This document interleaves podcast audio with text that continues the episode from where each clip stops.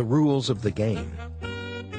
As in any game, the people game has rules that must be honored if you're to become any good at it. I've included a few here to give you a taste for them. As for the rest of them, you'll have to discover them for yourself by playing a game of your own.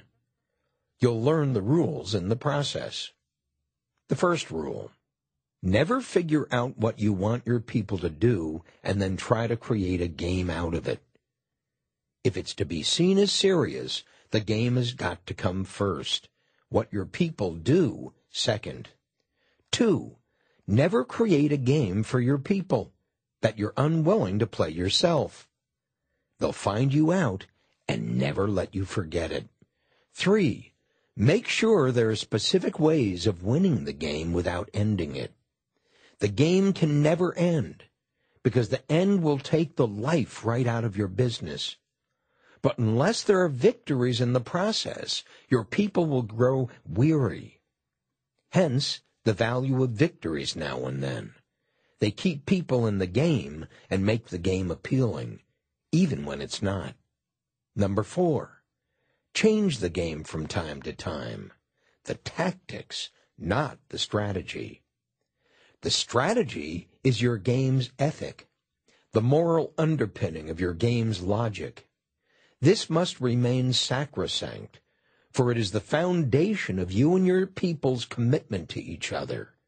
But change is necessary.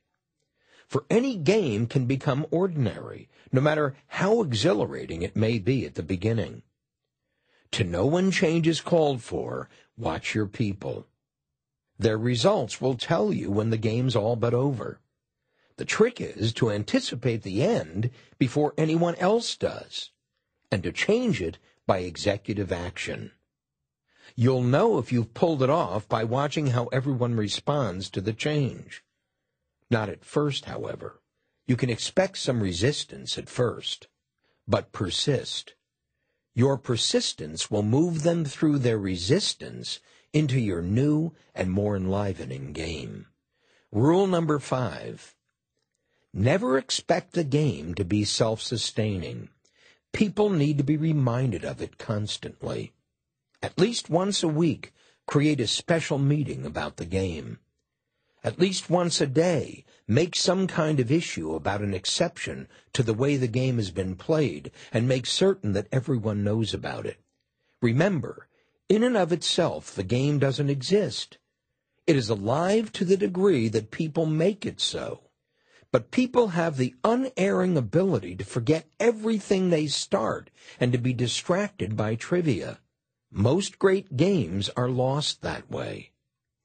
To make certain yours isn't, don't expect your people to be something they're not. Remind them, time after time, of the game they're playing with you. You can't remind them too often. Six, the game has to make sense. An illogical game will abort before it ever gets going. The best games are built on universally verifiable truths. Everyone should be able to see them if they're to be sufficiently attractive. A game with muddy beginnings will get you nowhere. Know the ground you stand on and then assemble your armament. Sooner or later, you'll need it. For a game that isn't tested isn't a game at all. But remember, you can have the best reasons in the world for your game and still end up with a loser if the logic is not supported by a strong emotional commitment. All the logic does is give your people the rational armament to support their emotional commitment. If their commitment wanes, it means that they, and most likely you, have forgotten the logic. So wheel out the logic often. Make sure everyone remembers the game's reason for being. Rule number seven. The game needs to be fun from time to time. Note that I said from time to time. No game needs to be fun all the time. In fact, a game is often no fun at all. That's part of the thrill of playing a game well. Learning how to deal with the no fun part so as to retain your dignity while falling on your face. At the same time, fun needs to be planned into your game. But make certain that the fun you plan is fun. Fun needs to be defined by your people. If it's fun to them, it will work. But not too often, maybe once every six months. Something to look forward to and something to forget. And finally, rule number eight. If you can't think of a good game, steal one. Anyone's ideas are as good as your own.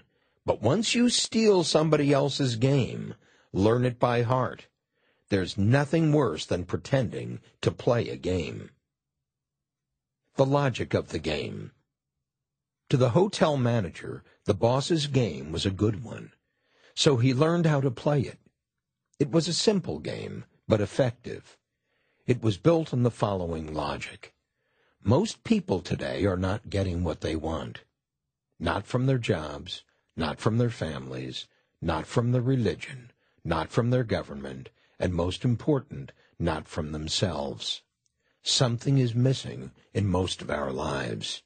Part of what's missing is purpose, values, worthwhile standards against which our lives can be measured.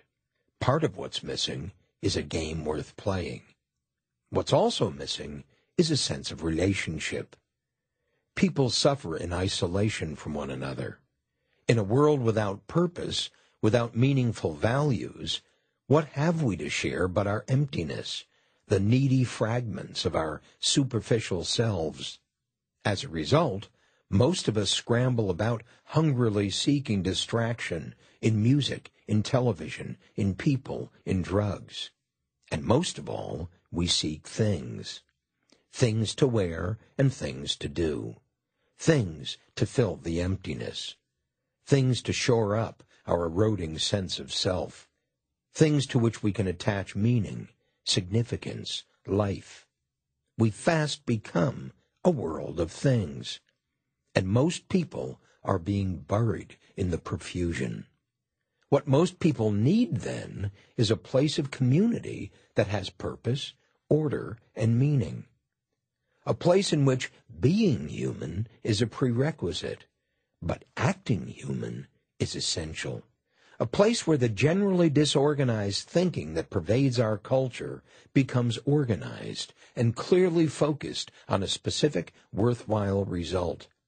A place where discipline and will become prized for what they are, the backbone of enterprise and action, of being what you are intentionally instead of accidentally, a place that replaces the home most of us have lost. That's what a business can do. It can create a game worth playing. It can become that place of community.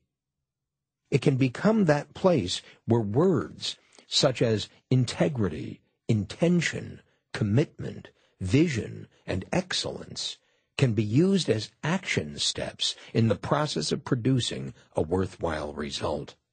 What kind of result?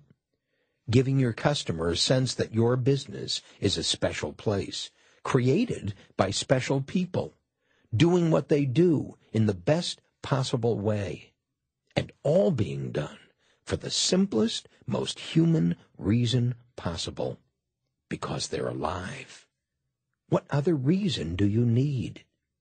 Human beings are capable of performing extraordinary acts, capable of going to the moon, capable of creating the computer, capable of building a bomb that can destroy us all.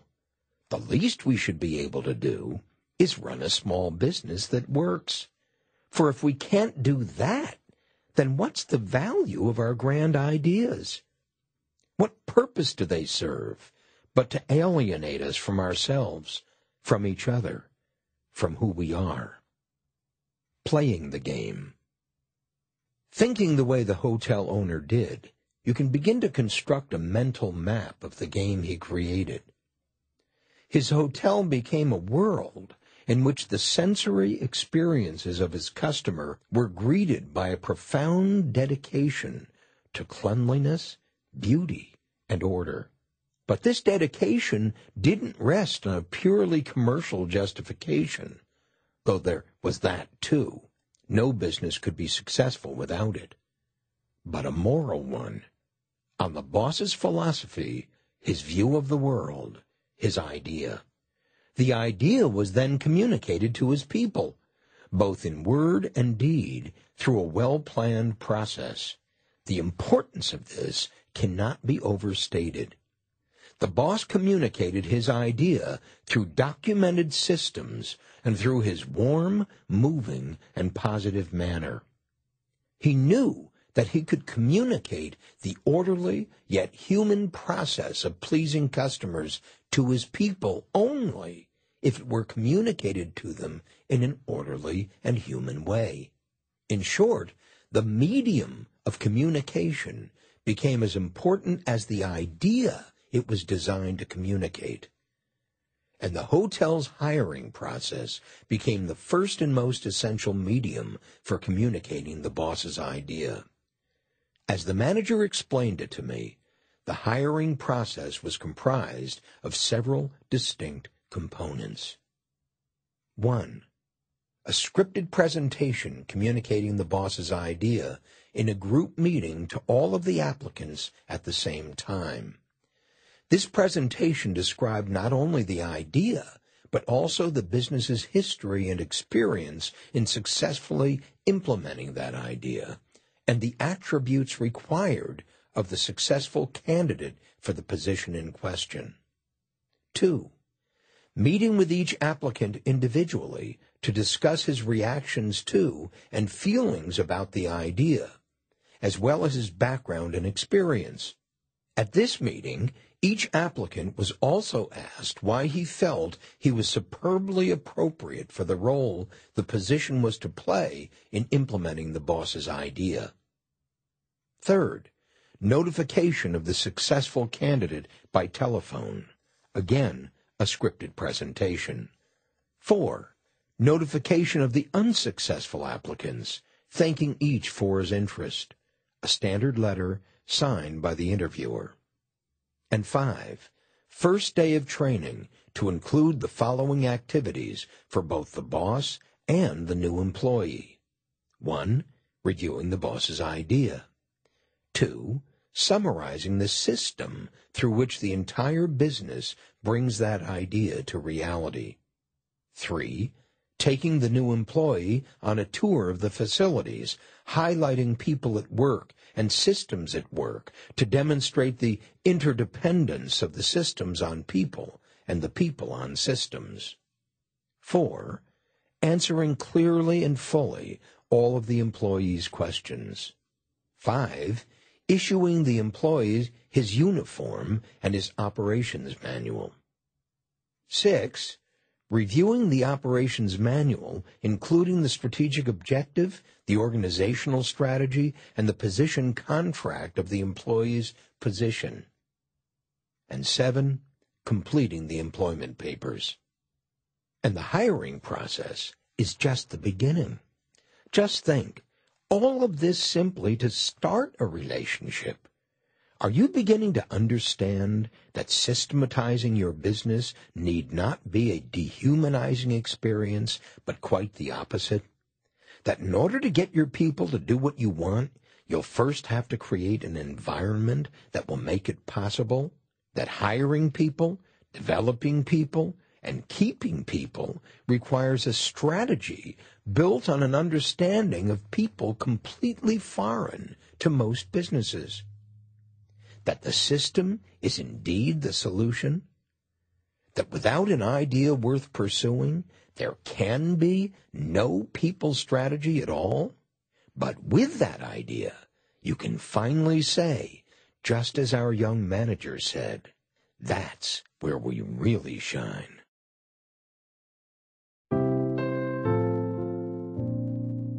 Management, people, systems. As I watched Sarah take all this in, I saw that the idea of this integrated view of business had begun to take hold of her imagination. Gone was the resistance, the doubt, and the fear that what I had brought to her door was beyond her, something unreachable for the baker of pies she had come to believe she was. What she was beginning to grasp is that she was a worthy opponent, more worthy than she had ever realized and that the game I was describing for her was the same game she'd been taught to play by her aunt years ago in her mother's kitchen with such loving attention. That there was absolutely no difference. She smiled at me, as though reading my thoughts. She went on to say, I'm beginning to see the connection between all these things we've talked about. They're all beginning to make sense. The puzzle is coming together. I can see the pieces merge into an exciting picture that I now know has been there all along. All that needed to be done for the picture to take form was for someone to move the pieces into their proper place. I'd like to describe it for you, the picture I'm beginning to see, before I ask you some more questions. Go right ahead, I smiled. In fact, I'd be disappointed if you didn't. Sarah continued. It all goes back to my childhood, of course. To the spirit I spoke about earlier. To what I felt like as a little girl. And I know now that I'm not alone. That I'm not the only one who's ever felt that way. That there were probably lots of other little girls and boys who were suffering the same sort of experience that I was. And lots of grown men and women who, like me, are still carrying around the impact of their early childhood experiences. And so I see my experiences, the corralling of the wild horse, the stuffing away of the spirit my teachers and my parents trained me to do so well, as the beginning of a philosophy for my business, a philosophy that my business needs if I'm ever going to offer anything of true value to my employees and my customers. There'll be no stuffing of the spirit here, my business will say. Maybe I should put it up above the door to remind everyone who comes in what our purpose is. She grinned. Or maybe, better yet, let thy spirit run free. Yes, that's better. It even feels better. She laughed aloud with the joy of it. As she continued, it became so clear to me what a miraculous gift speaking can be. I saw that Sarah wasn't so much talking to me, but to herself, discovering as she spoke the miracles that lived within her, within her experience, within her relationship with her aunt, within her extraordinary imagination, discovering truths she never knew she knew discovering all the wealth that was waiting there inside of her to be unearthed, to be explored, to be treasured as the words came tumbling forth. As though the words, once freed by the speaking of them, combined with the air to become something else again, a vision, understanding, expansion. Sarah continued, My picture of the business also goes back to what my aunt taught me about caring. If my aunt were alive today, she would say, if everyone cares, the pies will take care of themselves. And so I can see my business as a school, a school about caring that teaches all the little things to my employees that my aunt tried so hard to teach me. What it means to pay attention, what it means to our spirits to be present with the whole of ourselves in everything we do. My God, I thought I hadn't learned anything, she said to me, her eyes wide with the astonishment of what she had just understood. But I had, I had, and now I'm going to take her place. That lovely woman, that sweet, gentle, determined old woman, I'm going to take her place. I'm going to become the master in my own kitchen, just as she was the master in hers.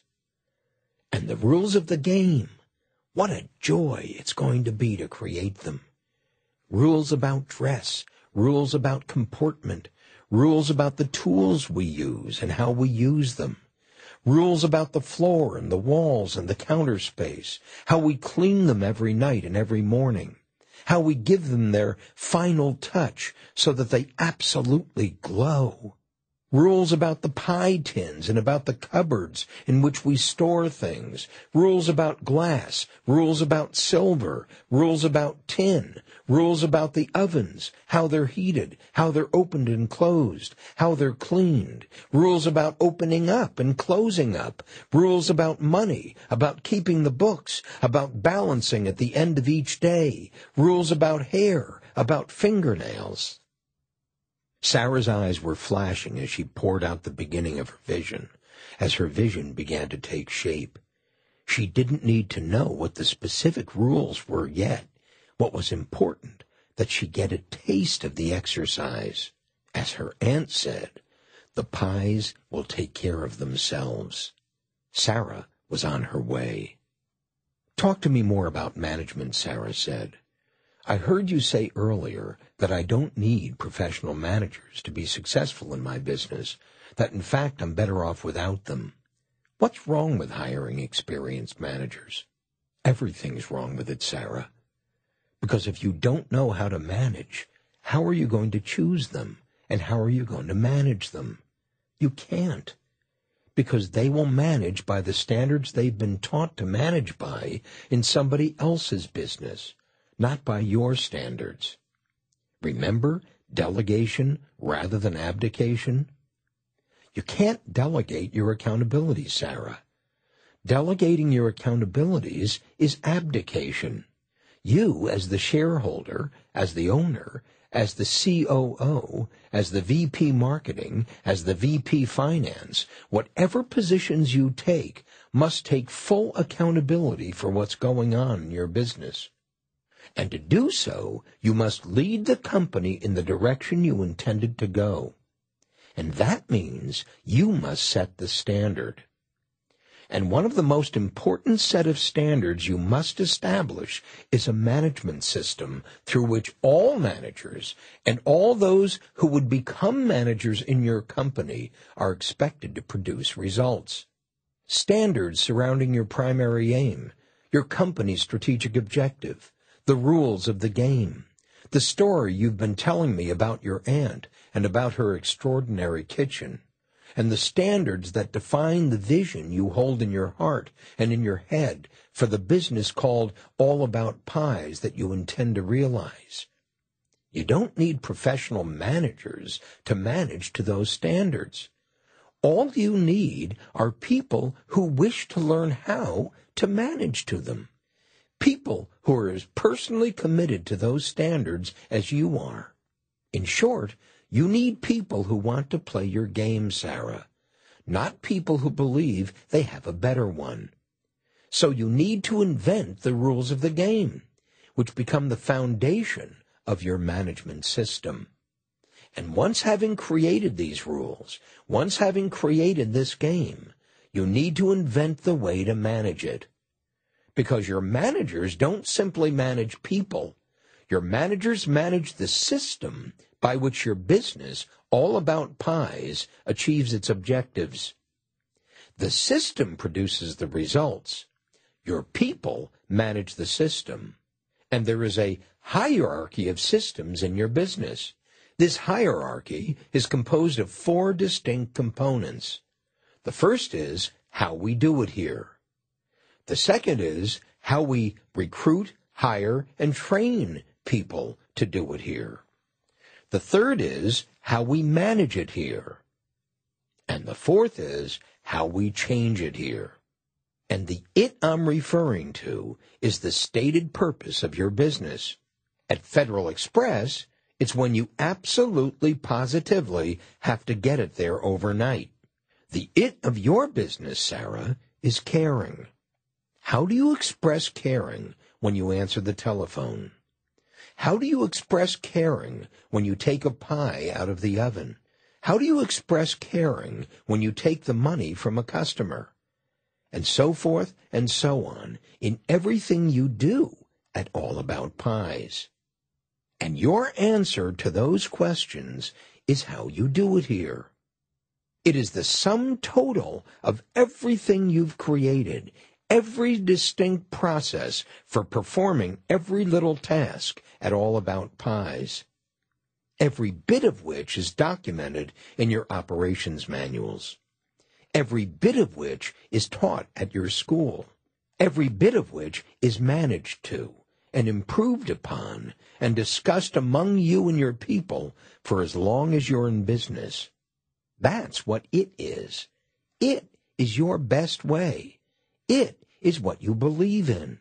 It is why people buy from you, work for you, lend to you, trust you. And just as in the hotel we visited, it is the system, not only the people, that will differentiate your business from everyone else's. Imagine trying to produce such a consistent result without such a system. Imagine each manager in each of your future four stores doing his or her own thing. How would anything be communicated consistently in such a business in which every form of language, every idea of organization, every kind of process and system were expressed in an individual and subjective way by each and every one of your people without any standards, without any agreement, without any consistency in form, in fact, without any consistency in judgment. Is that an appealing picture? I asked. I'm exhausted just thinking about it, Sarah responded. I know, and it's even worse than you can possibly imagine, Sarah. But a management system is something else again. And when it is combined with a well-conceived marketing system,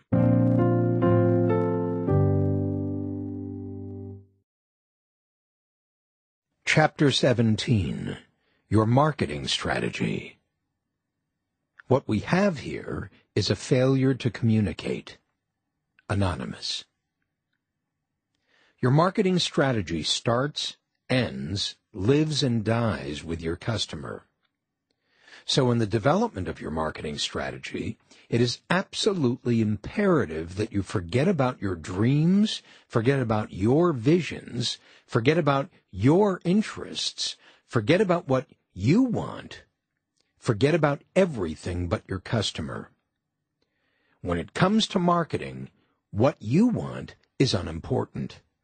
It's what your customer wants that matters.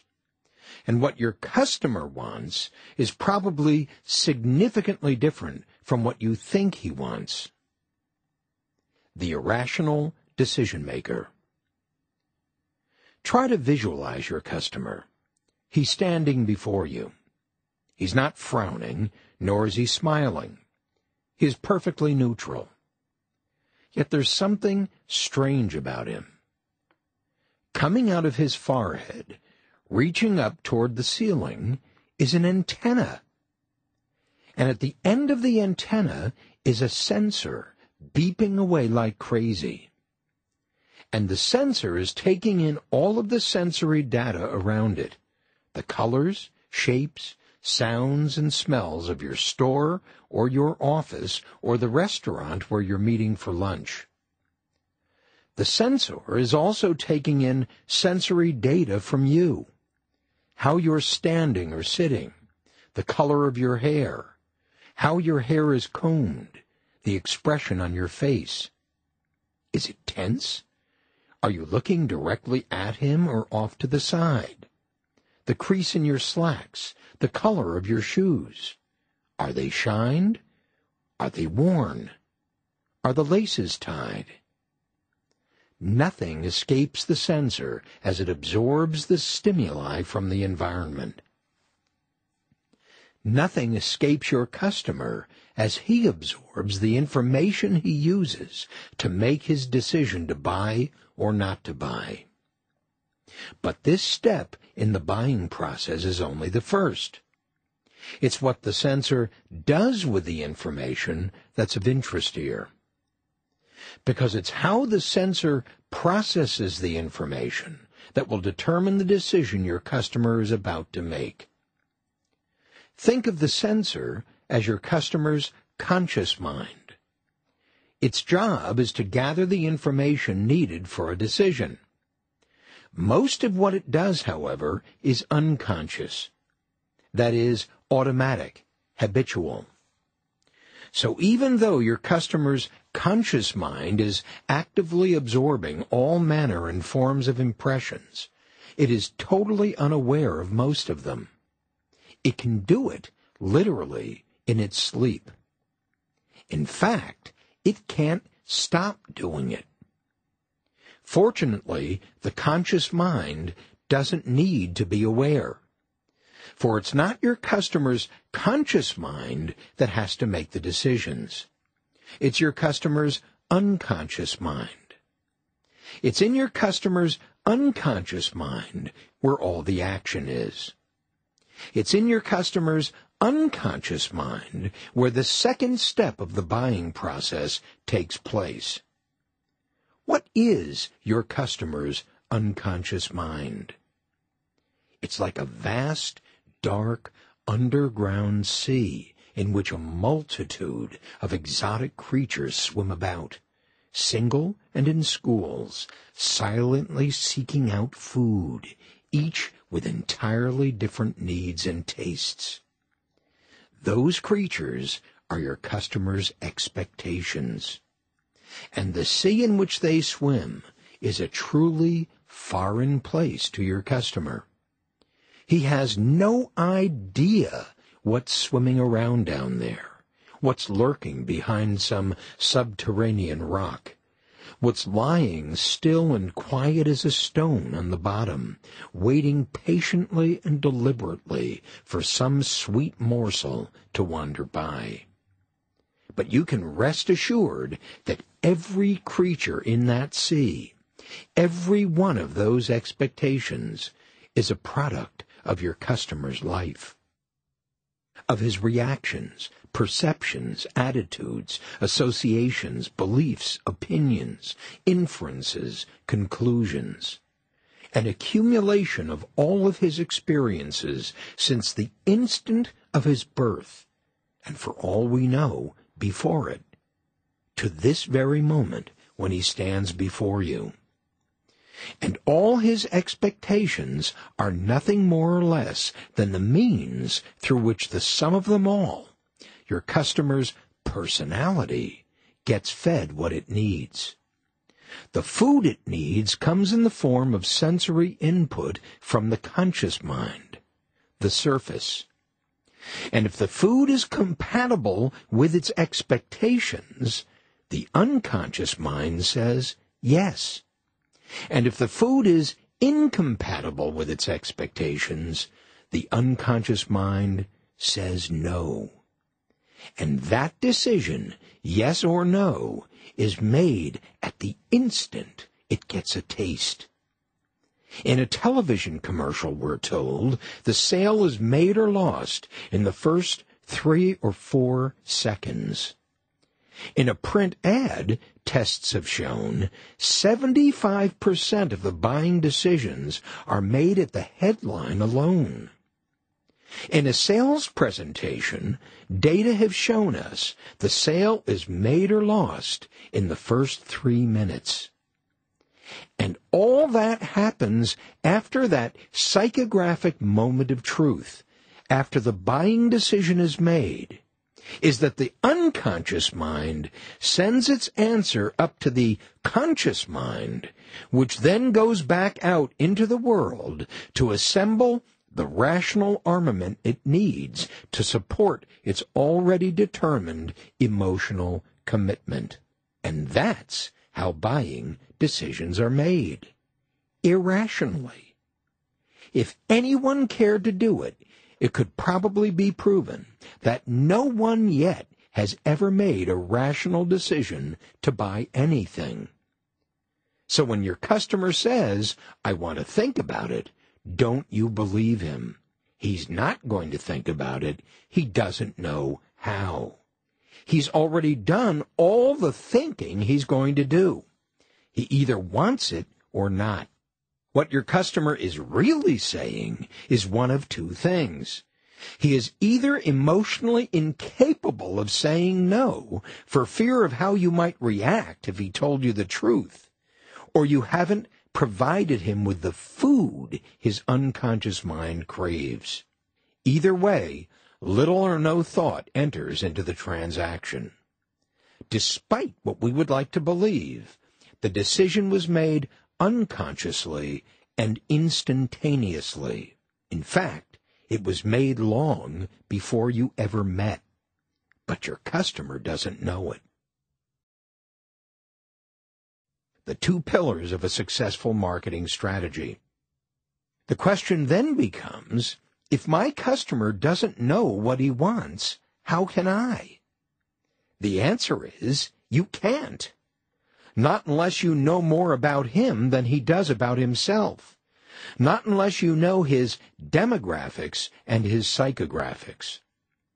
Demographics and psychographics are the two essential pillars supporting a successful marketing program. If you know who your customer is, demographics, you can then determine why he buys, psychographics. And having done so, you can then begin to construct a prototype to satisfy his unconscious needs, but scientifically rather than arbitrarily. Again, demographics is the science of marketplace reality. It tells you who buys. Psychographics is the science of perceived marketplace reality. It tells you why certain demographic types buy for one reason, while other demographic types buy for another. Let me give you an example of how these sciences might be utilized in your marketing strategy. Notice the shade of blue in the jacket of this book. I call it IBM blue. Why? Because it's IBM's color. That's why I imagine IBM is called Big Blue in the marketplace. Why that specific shade of blue rather than another? Why blue at all? Because that shade of blue has an extraordinarily high appeal and preference to IBM's central demographic model. They see that shade of blue, and it's love at first sight. Ever heard the expression true blue? That's what that particular color is. The color IBM's central demographic model consumer knows it can depend on. What do you think would have happened had IBM chosen orange instead of blue? Well, since orange is at the opposite end of the preferential spectrum for IBM's consumer, the IBM success story may not have been so momentous. It's hard to imagine Big Orange instead of Big Blue. I think IBM's customer would have had trouble buying an orange computer. Now, I know that sounds ridiculous, but you can test it if you like. Remember the little test I suggested earlier in this book, the one with the navy blue suit? I'd like you to visualize someone wearing such a suit. Can you see him in your mind's eye? Deep navy blue, vents in the back, possibly a pinstripe, sharply creased trousers, white starched shirt, a red and blue striped tie, black, highly polished wingtip shoes. Now, how do you feel about him? Does he look businesslike? Does he look like someone you can trust? Does he appear to represent something solid, reliable, dependable? Of course he does. Research shows that the Navy suit is perhaps the most powerful suit a person can wear in business. Instant impact. Now visualize the very same person you did before. But this time, he's not wearing a navy blue suit. Now he's wearing an orange suit. That's right, a two-piece orange suit. An expensive one at that.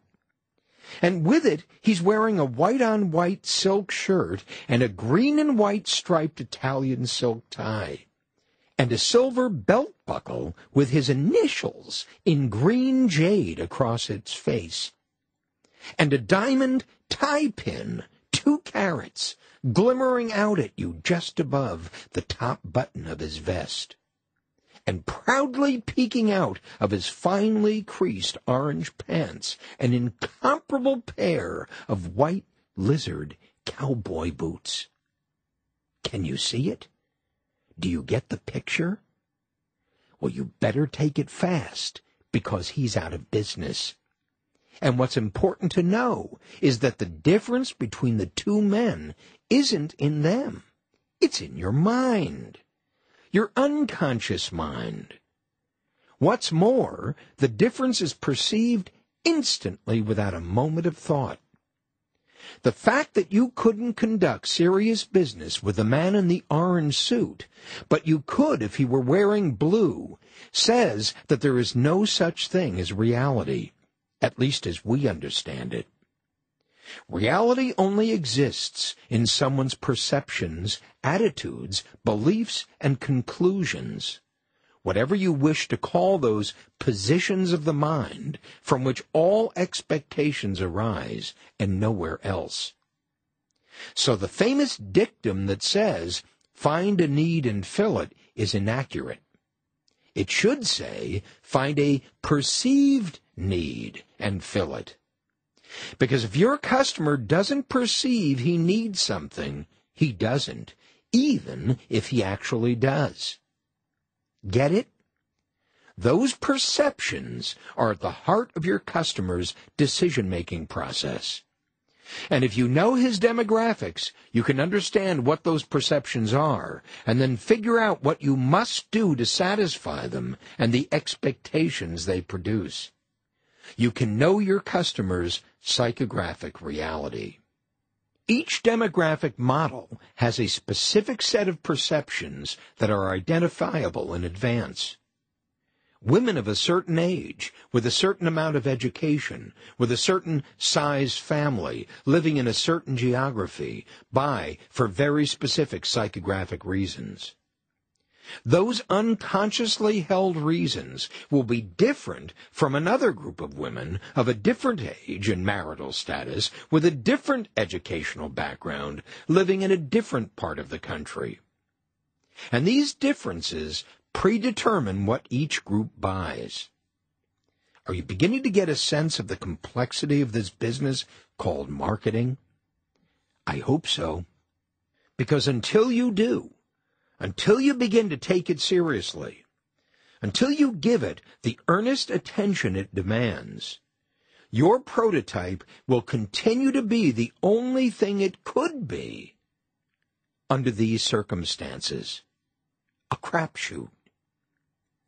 At eMyth Worldwide, we've created tools for our small business clients to begin the often arduous task of making demographic and psychographic determinations and how to position their prototype in the mind of their customer. The impact has been astonishing. Small businesses that acted like small businesses when we met them began to operate with intelligence. Their customers came vividly alive to them, often for the very first time. Inquiry, the active solicitation of specific information, and controlled experimentation replaced the guessing, blind hope, and feverish busy work that preceded them. Innovation, quantification, and orchestration became the driving forces behind their efforts. The fact is, any small business can do it. And every small business must. If mature businesses, such as IBM, McDonald's, Federal Express, and Disney, take such things seriously, then how can you not do the same? Your business is far more fragile than a big business. So if anything, you must take marketing more seriously than a big business does. And time is running out. We have entered the unforgiving age. An age in which countless small businesses will either accept the challenge of an information glutted society or be destroyed by it. An age in which your customer is deluged by so many products and promises that he becomes swamped in confusion and indecision. The challenge of our age is to learn our customers' language and then to speak that language clearly and well so that your voice can be heard above the din. Because if your customer doesn't hear you, he'll pass you by. No doubt you feel frustrated as you listen to this. You must be asking yourself, how do I do it? How do I determine my customer's demographics, his psychographics, what colors to use, what shapes, what words? But if you're asking these questions, you're well on your way. For the purpose of this book is not to answer these questions, but to raise them. Not how to do it, but what needs to be done. Unless you understand what needs to be done, unless you understand the essential importance of marketing to your prototype, unless you understand that your customer is far less rational in his convictions and expectations than you had ever imagined, unless you understand that your prototype is your product, all the how to do it in the world won't make a bit of difference to you. But we're not finished yet. We have one more step to take in your business development program. Your systems strategy, the glue that holds your prototype together.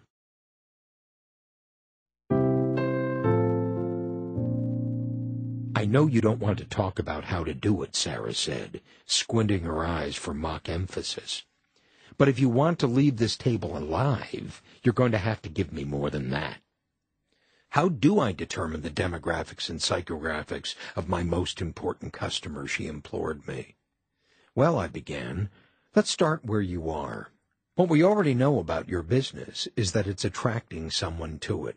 That the picture you have in your mind about the all-about pies you wish to create isn't that foreign from the one you've created that while you didn't clearly formulate the ideas at the beginning of your business, we now know that your inner entrepreneur was busy all the time, that the caring you wish to express in the all-about pies of the future was in you all the time.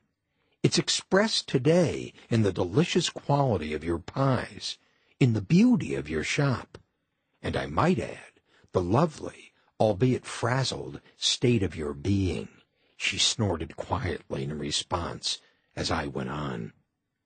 So, I believe, Sarah, it's safe for us to assume that the people coming in your door today are unconsciously expressing their preference for the caring you have so eloquently shared with me.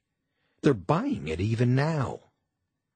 The first question you must ask, then, is who are they? Who are my customers specifically? What is their demographic profile? How do you answer that question? You ask them. You ask each and every one of them by having them complete a questionnaire in return for a free pie. The free pie is the price you pay for that information. The answers you get will prove to be a bonanza.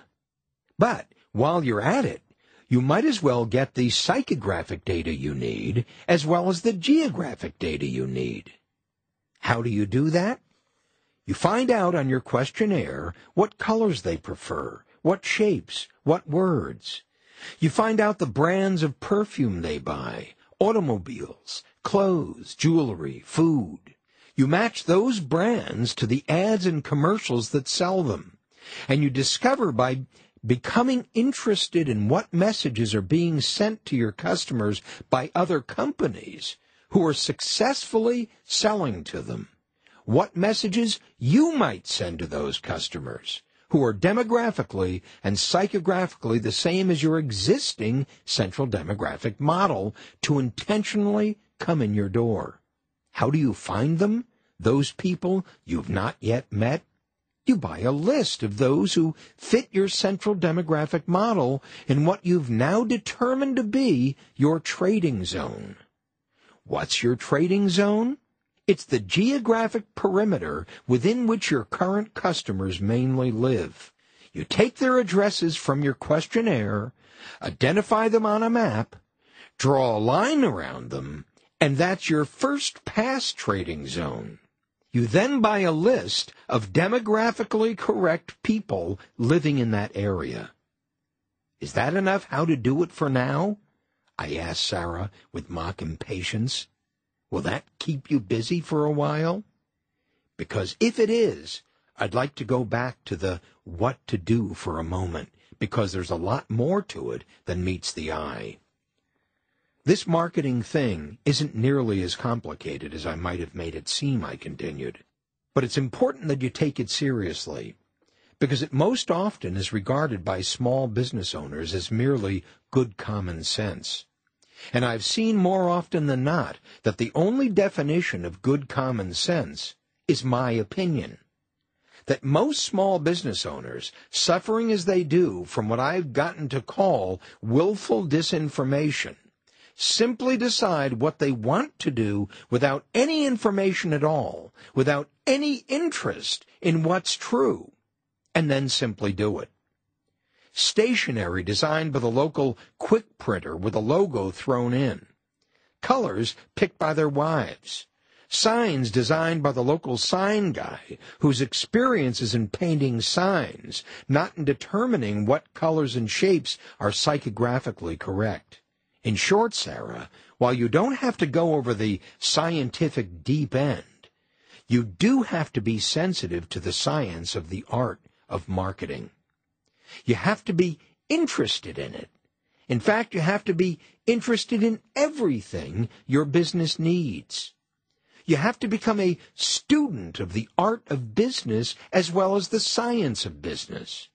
And that's the what to do part of all this. Do you realize how much marketing money is spent by companies like McDonald's, Federal Express, Disney, and Walmart to get it just right? Do you realize how much time and attention companies like PepsiCo and American Express spend to get their brands just right? And how easy it is to miss the mark? And what it costs them if they do? In a small business, you simply can't afford to spend the money they do. But you can afford to spend the time, the thought, the attention on the same questions they ask. And that's why I keep on going back to the true work of the small business owner, the strategic work rather than the tactical work. Because if you're doing tactical work all the time, if you're working all the time, devoting all your energy in your business, you won't have any time or energy left to ask, let alone answer all of the absolutely critical questions you need to ask. You'll simply have no time or energy left to work on it.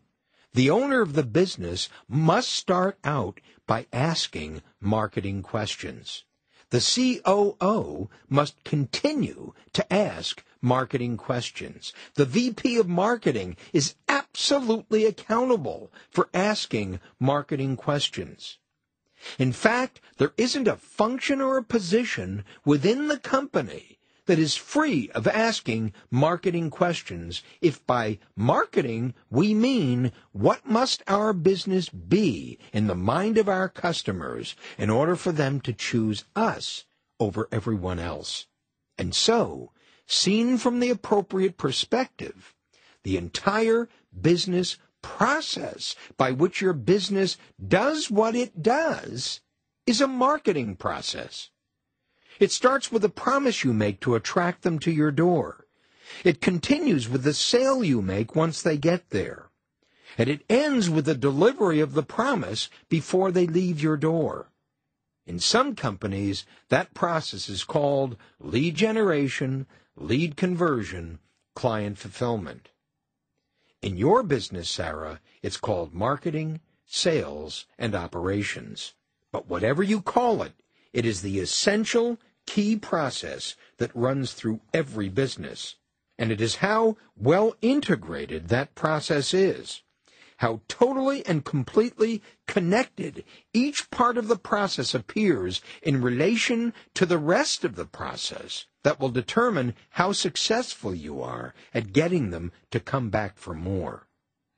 And it is getting them to come back for more that is the primary aim of every business. Because what McDonald's knows and what Federal Express knows, and what Disney knows, indeed, what every extraordinary business knows, is that the customer you've got is one hell of a lot less expensive to sell to than the customer you don't have yet. And that's why the business process of lead generation, lead conversion, and client fulfillment is so critical to the growth of your business. And that's what marketing is. The whole process. Not just a part of it, but the entire thing. And it never stops. And so, while the VP marketing and the VP operations and the VP finance each have their own specific accountabilities, they share one common purpose to make a promise their customer wants to hear and to deliver on that promise better than anyone else on the block. And the place where they join each other is at the position of COO. The COO is the driver of all this. The COO connects each part of the business process. The COO maintains the integrity of the whole by acting as the arbiter of the strategic objective he is accountable for fulfilling, of the rules of the game he is accountable for maintaining, of the game the business has chosen to play. And it is there, at that point in the middle, where hierarchy and process meet. It is there, at that point in the middle, that your business comes together. It is there, at that point, where your management system and your business development process play out their respective roles so vividly. It is at that point, the point I have called the PowerPoint in an earlier book, that a business truly becomes alive. Where the static and dynamic nature of every great business meets. This is how we do it here. And then, this is how we do it here. And then, this is how we do it here. Over and over and still over again. Continuous improvement. Electrifying. Ecstatic. Alive. To do what? to deliver the promise no one else in your industry dares to make. That's what marketing is, Sarah. That's what your business must be. Alive, growing, committed to keeping a promise no competitor would dare to make. That's what needs to be done. Are you ready to do it? Just watch me, Sarah said. Then let's go on to the last part and tie it all together, I said.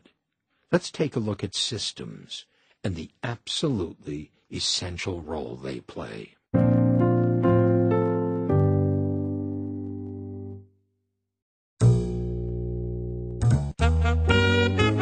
Chapter 18 Your Systems Strategy The world thus appears as a complicated tissue of events in which connections of different kinds alternate or overlap or combine and thereby determine the texture of the whole.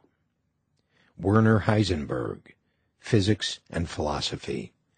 Throughout this book, I have talked about systems without really defining what a system is. So let me do that here. A system is a set of things, actions, ideas, and information that interact with each other, and in so doing, alter other systems. In short, everything is a system. The universe, the world, San Francisco Bay, the office I'm sitting in, the computer I'm using, the cup of coffee I'm drinking, the relationship you and I are having. They're all systems.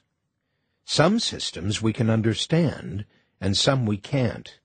Let's take a look at the ones we can. The systems in your business. Three kinds of systems. There are three kinds of systems in your business.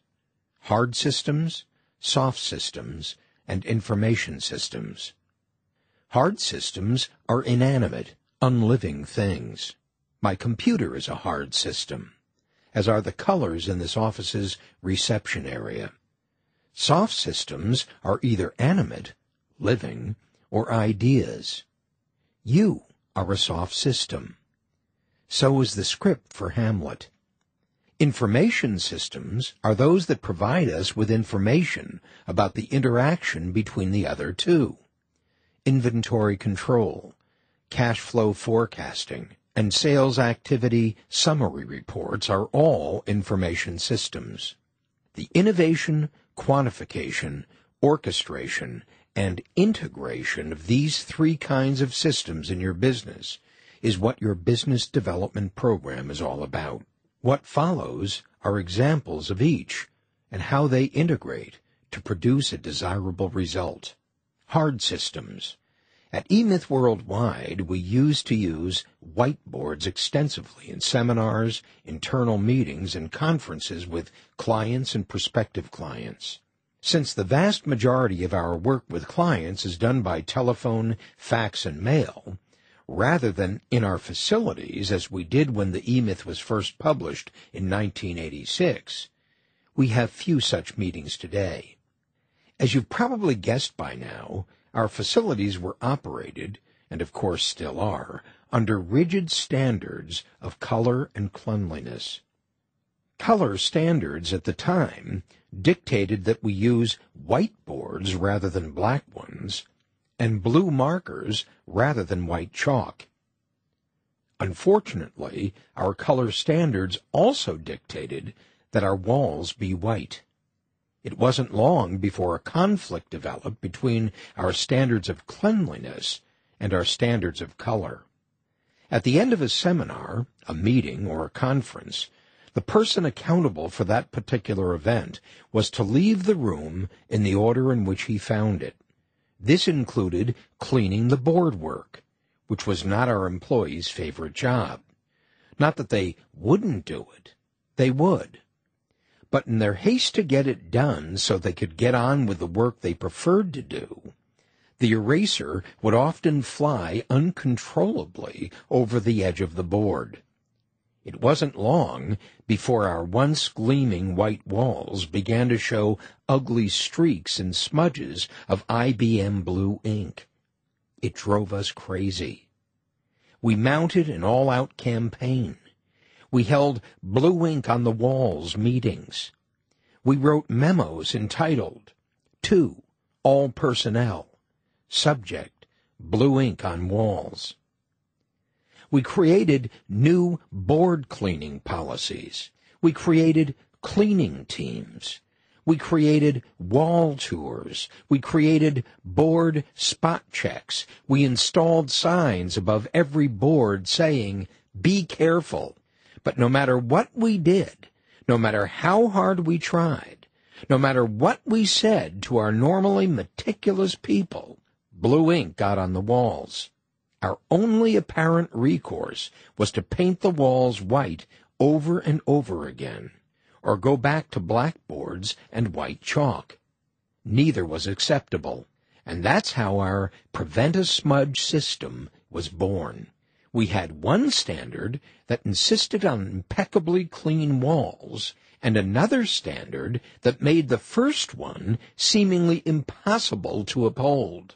White boards white walls, blue ink.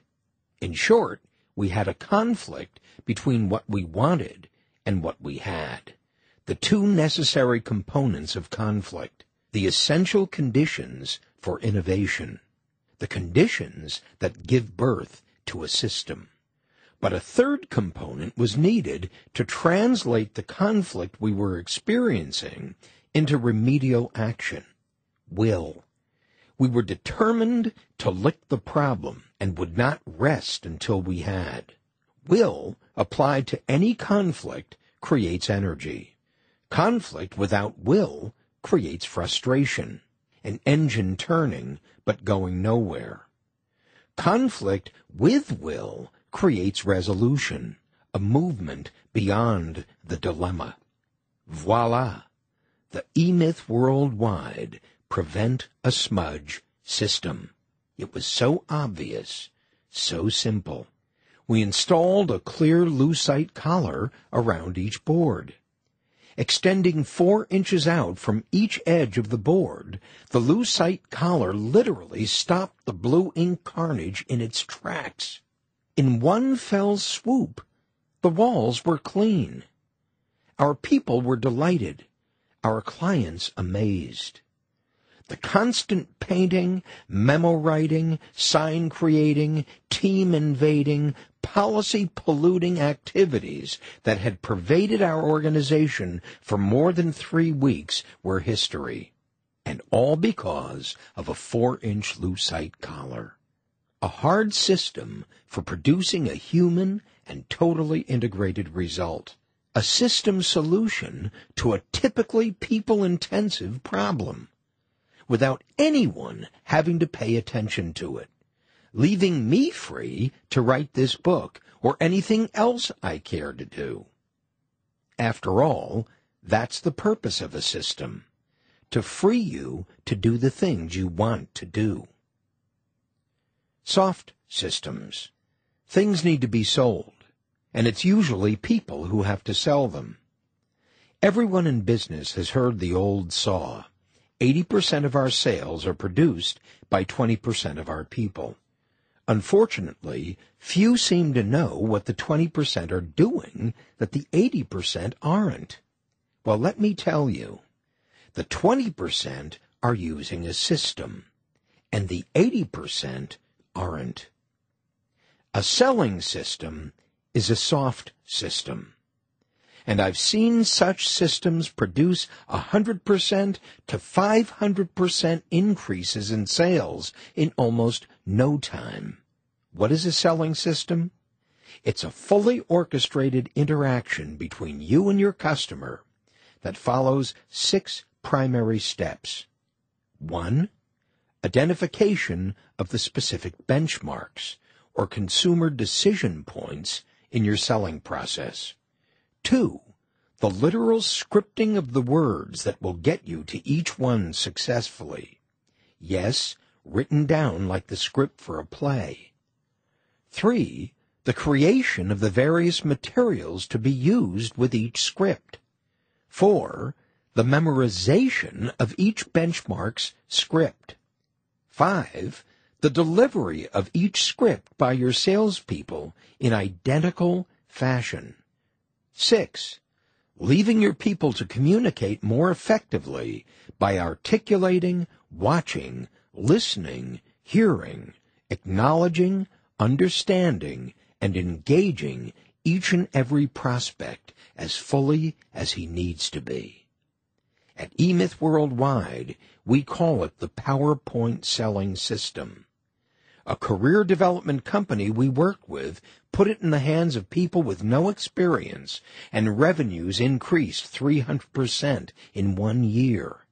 An advertising agency put it into the hands of people with no experience in either selling or advertising, and revenues increased 500% in two years. A health spa put it in the hands of people with no experience, and revenues increased 40% in two months. If you put it to work in your company, it will do the same for you, no matter what kind of business you're in. The PowerPoint selling system is composed of two parts, structure and substance. Structure is what you do. Substance is how you do it. The structure of the system is all of the predetermined elements of the process and includes exactly what you say, the materials you use when you say it, and what you wear. The substance of the system is what you, the salesperson, bring to the process and includes how you say it, how you use it when you say it, and how you are when you say it. Structure and substance merge in the selling process to produce a far more extraordinary result than any single salesperson can do if left to his own devices. Let's look more specifically at the most important component of the PowerPoint selling system, what you say, or what we call at E-Myth Worldwide, the PowerPoint selling process. The PowerPoint selling process. The PowerPoint selling process is actually a series of scripts defining the entire interaction between the salesperson and the customer. These scripts or benchmarks are 1. The appointment presentation, 2. The needs analysis presentation, and 3. The solutions presentation. The appointment presentation.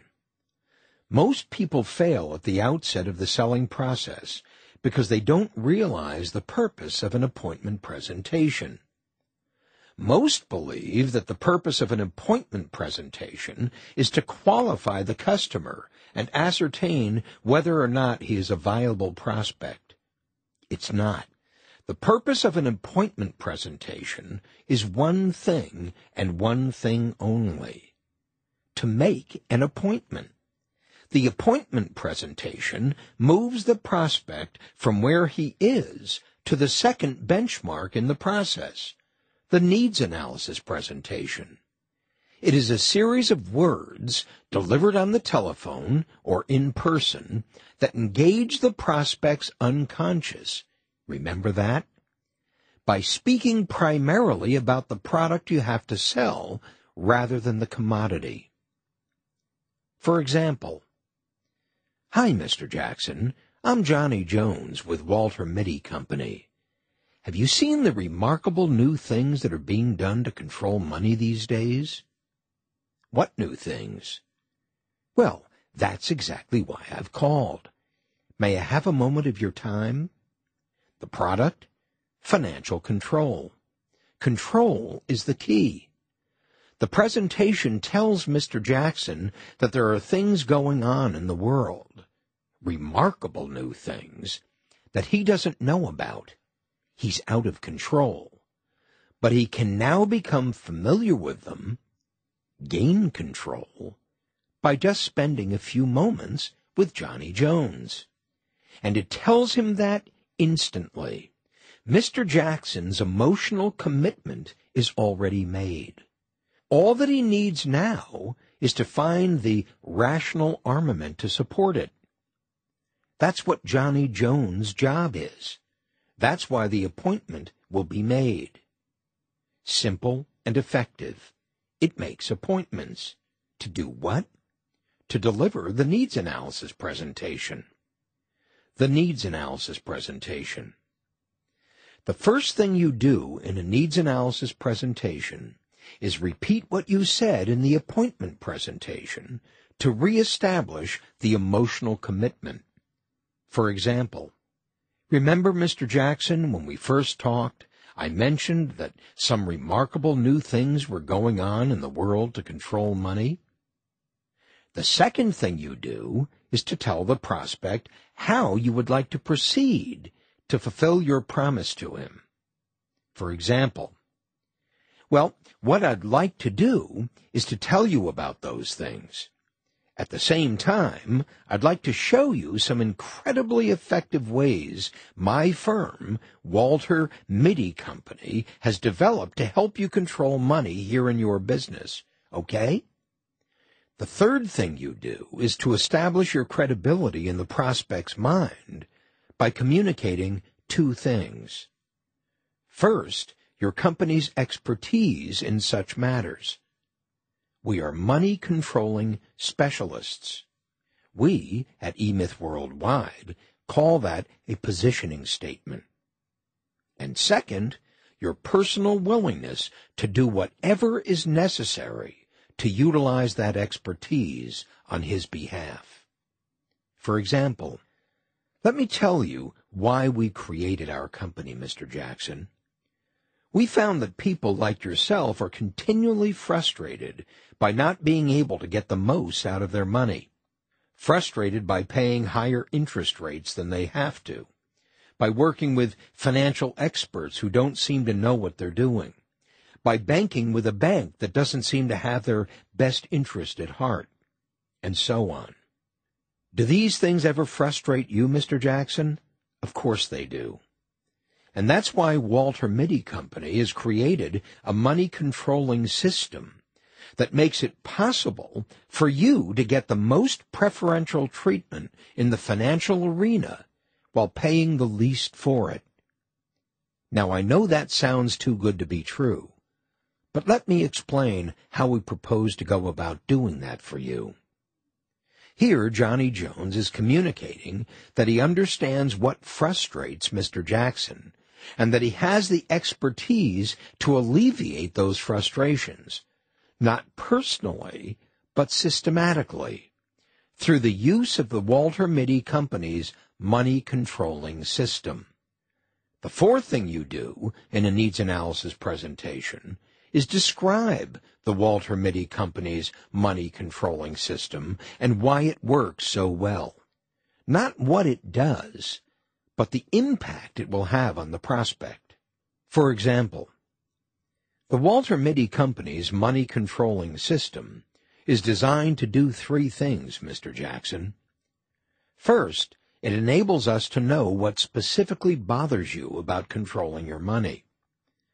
Because we know that controlling money must be personally tailored to each and every one of our clients. In order to do that, we've created what we call at Walter Mitty Company a money management questionnaire.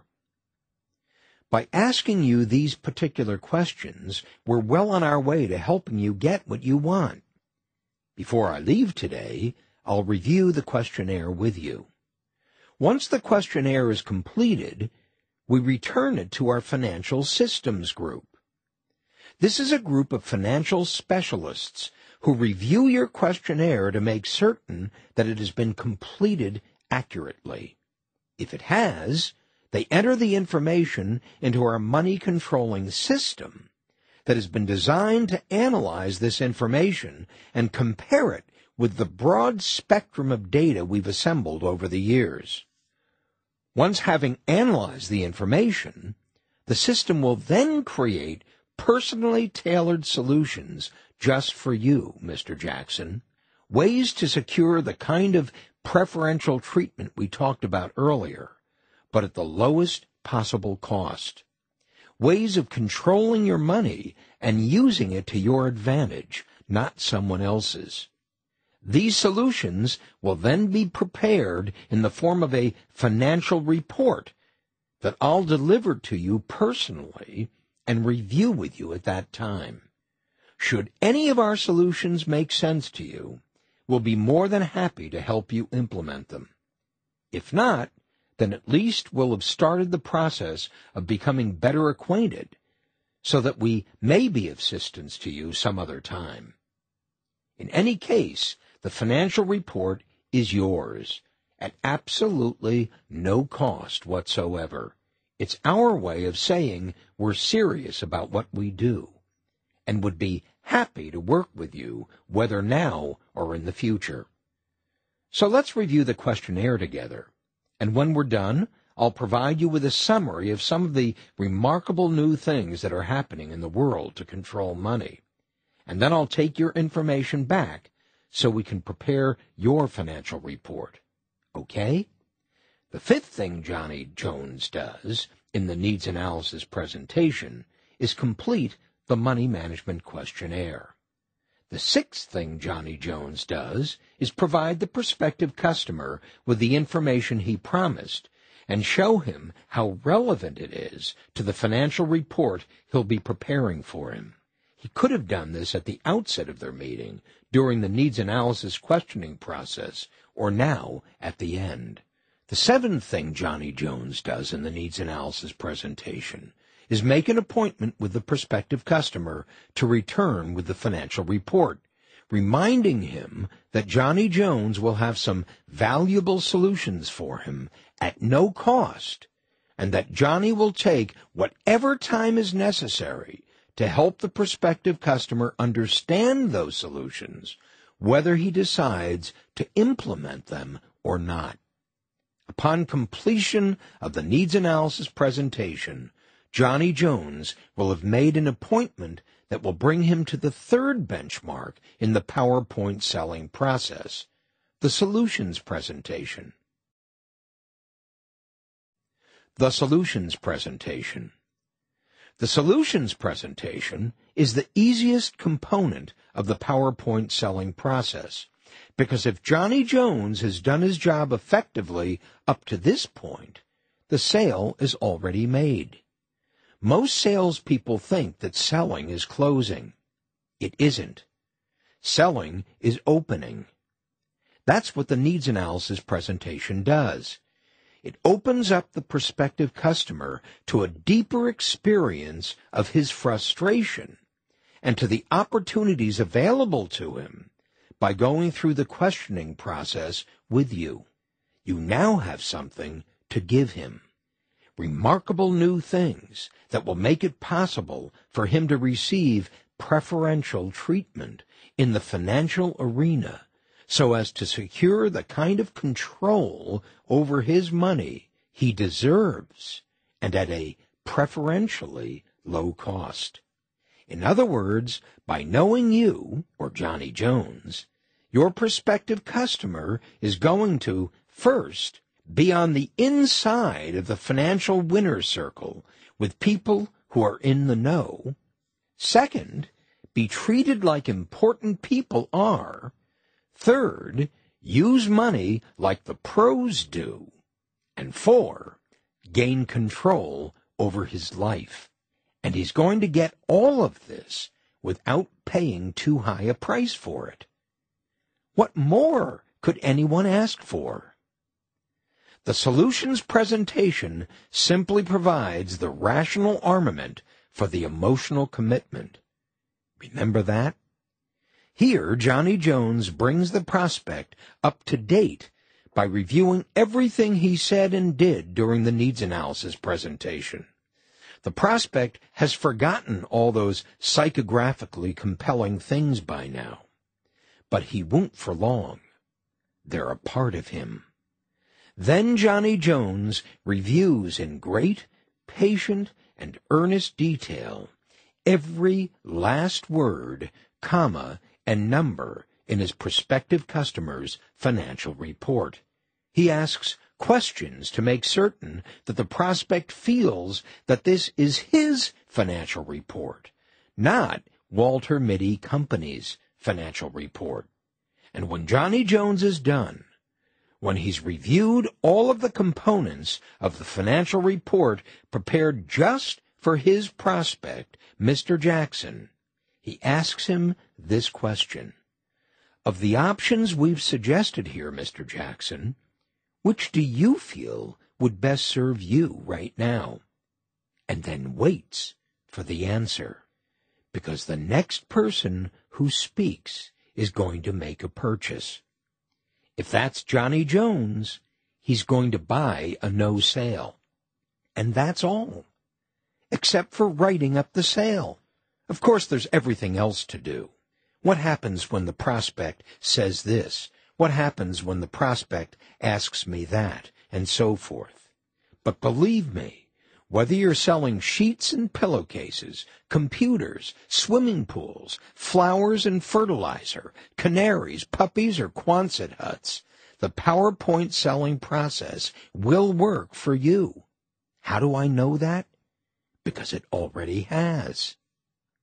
But if the process is to work for you, you must be willing to go through it the same way every single time using the same words the same way every time, reviewing the financial report the same way every time.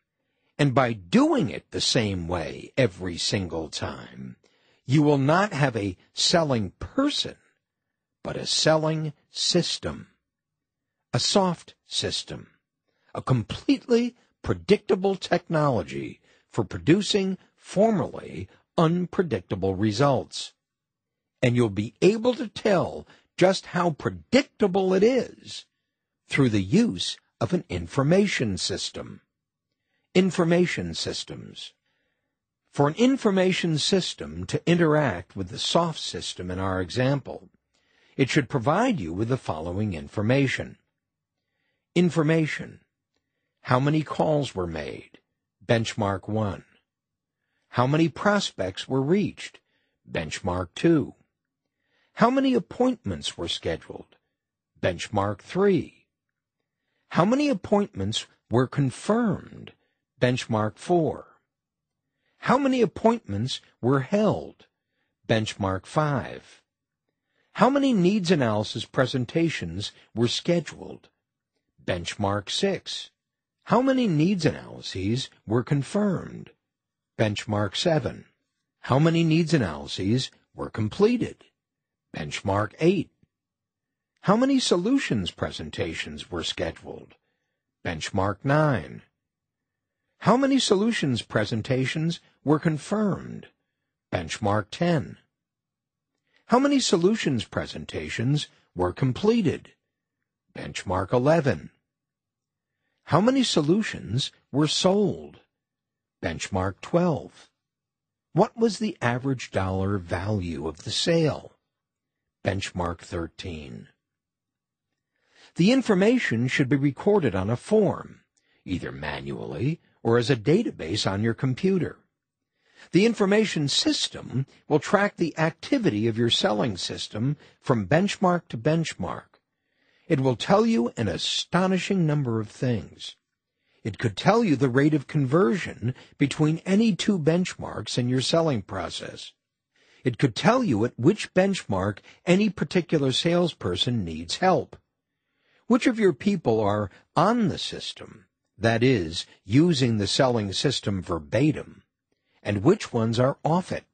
If you had calculated the cost of making a call, you could then calculate the cost of completing the next benchmark in the process, and from that derive the next, and so on, until you calculate the actual cost of making one sale.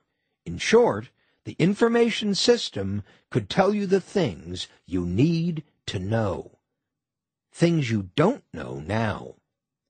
Things you need to know in order to develop, control, and change your selling system. And things you also need to know in finance and production and product development. If your system strategy is the glue that holds your franchise prototype together, then information is the glue that holds your system's strategy together. It tells you when and why you need to change. Without it, you might as well put on a blindfold have someone turn you around three times and set out with a dart in your hand, waiting for a signal from the heavens to throw it. Not a very promising game, but one it seems most people in small business are determined to play. Hard systems, soft systems, information systems. Things, actions, ideas, information. The stuff of which our lives are made and the stuff of your business as well. Do you see how difficult it is to separate one from the other? Do you see how intertwined they are? Do you now understand what I mean by your business system? And why it is absolutely essential that you begin to think of your business as a fully integrated system? That to approach any part of your business as though it were separate from all the rest would be lunacy, because everything in your business affects everything else in your business. That your primary aim and your strategic objective and your organizational strategy and your management strategy and your people strategy and your marketing strategy and your system strategy, all of them are totally interdependent rather than independent of one another. That the success of your business development program totally depends on your appreciation of that integration, and that your prototype is that integration. If you understand all of that, then this book has been worth our time. If you don't, take off the blindfold because there's no going around one more time. We've got business to attend to. There's no time left to trust a dart in the dark.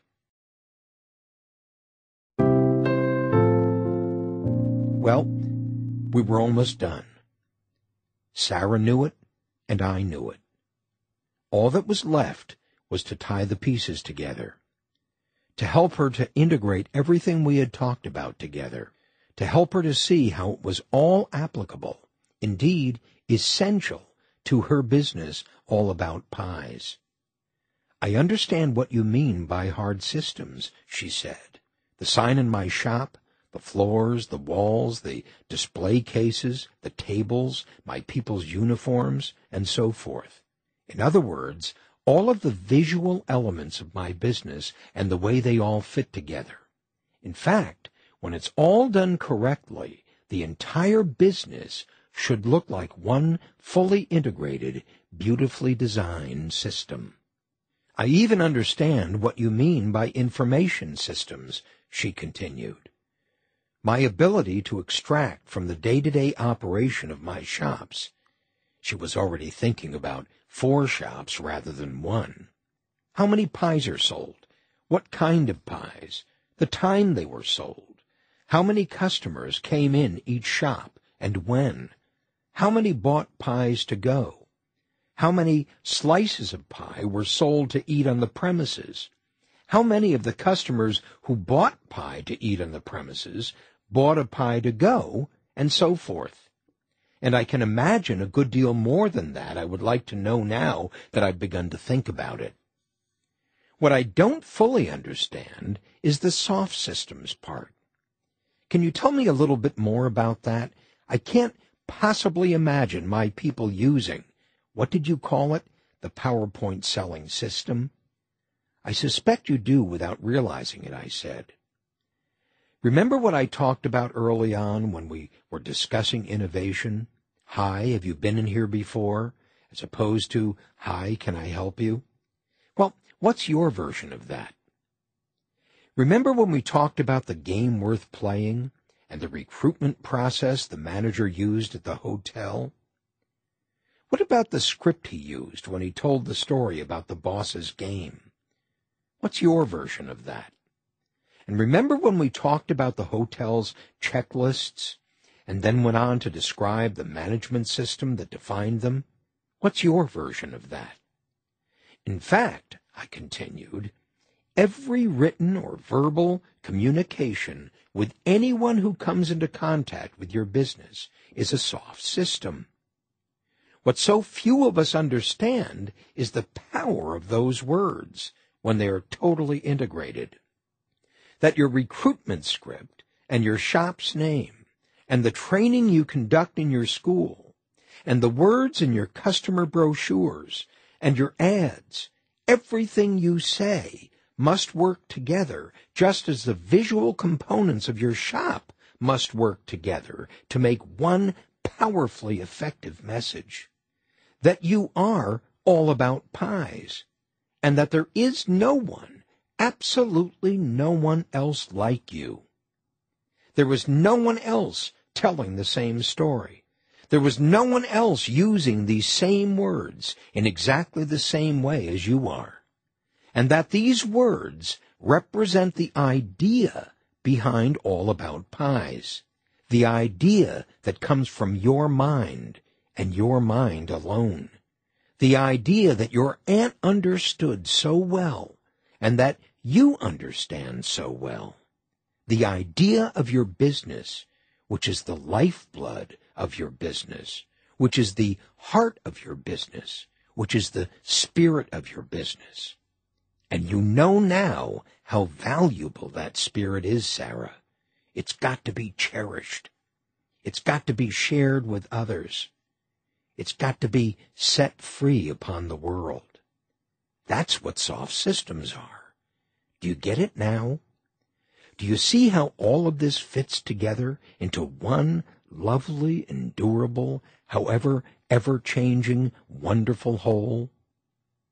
Can you see now why I say that the technician's role is not enough by far? that there's so much more to be done if your business is ever to live up to its potential? And that it's fun? Sarah was grinning from ear to ear. Chapter 19 A Letter to Sarah Freedom does not come automatically. It is achieved. And it is not gained in a single bound. It must be achieved each day. Rollo May, Man's Search for Himself. Dear Sarah, It has been said that there are no accidents in the universe, and so I might consider it to be providential that on this very day that I'm writing this letter to you, I have just finished reading, for the third time, Rollo May's remarkable book, Man's Search for Himself. What a lesson that book holds for all of us in business who would believe that today's hot subjects of core values, meaning, purpose, and empowerment are advanced thinking, when in fact Rollo May spoke more eloquently about those very same subjects in 1953. For that matter, who among us today in business recalls Rollo May's Age of Anxiety, or Camus, or Dostoevsky, or Kierkegaard, or Kafka, or Orwell, or T.S. Eliot in The Hollow Men, or David Riesman in The Lonely Crowd? To them, however, the question was not one of success in business, but of life and death. If we had such a yearning for values in 1953, when Rollo May's book was first published, and we have such a yearning for values today, what's happened to us in the interim? The Cold War? A trip to the moon? Korea? The Vietnam War? Cambodia? The sexual revolution? The feminist revolution? The civil rights explosion? The psychological revolution? The New Age Manifesto and the coming millennium? One hell of a lot, I would say. And yet, after all that, and forty years, we're still searching for meaning, for something to believe in, and speaking about it as though it were brand new. What lessons haven't we learned here at the end of the 20th century, Sarah? Maybe we just don't care enough. Meaning, it seems to me, is the product of caring, not vice versa. What we care about, we value. And so, as I look around, I see that we're in some very fundamental way disconnected from caring sufficiently to be able to find true meaning in the things that we do. Which is not to say that we don't care about anything. We obviously do. We care about making money. We care about being safe. We care about being protected. We care about the Super Bowl. But I think that the things we have come to care about are insignificant when placed on the scale that Dostoevsky or Camus or Tolstoy or Kierkegaard or Kafka or the Old Testament or the New Testament or Rollo May would use. The problem is, Sarah, we're just not very serious people these days. We even speak about values when we speak about them, as though they were a commodity like a sweater or a pair of Gucci pumps that can be acquired by writing a check. Much like the leadership, empowerment, management, relationship, and quality training seminars that abound today. As though by getting a little training, we'll suddenly find ourselves full of more substantial stuff. I think not, Sarah. I think that we, playing our end game at the bottom of the 20th century, are going to need one hell of a lot more than anything our trainers have in store for us. I think we need a shock, a self-administered shock, so jolting, so outrageous, so unsympathetic to our little wants, that we'll either be blown off the planet we've each shaped for ourselves, our personal little spaces when we least expect it, or we'll burn to a crisp right there in the spot never to be heard from again. And therein lies the problem, Sarah, and of course, the opportunity. How does one come to the point in his or her life when he or she is not only ready, but eager and willing, however terrifying the prospect might be, to self-execute such a leap of faith without any guarantees that it will do any good? That, dear Sarah, is where I believe we left each other not too long ago, at a crossroads, where I stood and watched you walk off on your newly discovered path, thinking to myself that I knew where you were going and what you would discover there, and at the same time realizing I knew nothing of the sort, that the path you had chosen reached both forward in time and back to your childhood, and the spirit you had thought you lost. But what I know to be true from my own life experience is that you will not truly rediscover your spirit in the past, but will discover it is waiting for you in the future on the path you have now chosen. Your spirit isn't behind you. It is way ahead of you. It has already made its choice. All that needed to happen was for you to make yours, and you were together again. Pretty metaphysical for a hard-headed guy like me, perhaps. But while I can't prove it, I know without a shadow of a doubt that it is true. I know because the very same thing has happened to me time and time again when I was open to it. I know that my spirit is waiting out there in front of me on one of any number of a thousand paths, and that it's up to me to choose that one path on which my spirit waits, and to step out on it brightly, without hesitation, to pursue the I, which is the greatest one I can possibly be. To be spirit full, that is, spiritual. That is to be in touch with my soul. And there, in our spirit, Sarah, is where meaning lies there in what your aunt called caring. It is your spirit that cares, Sarah. While your parents and teachers thought it was disruptive and tried to take it away from you, your aunt knew, Sarah, what you've just found out. That your spirit was waiting there all the time. It hadn't gone anywhere. You had.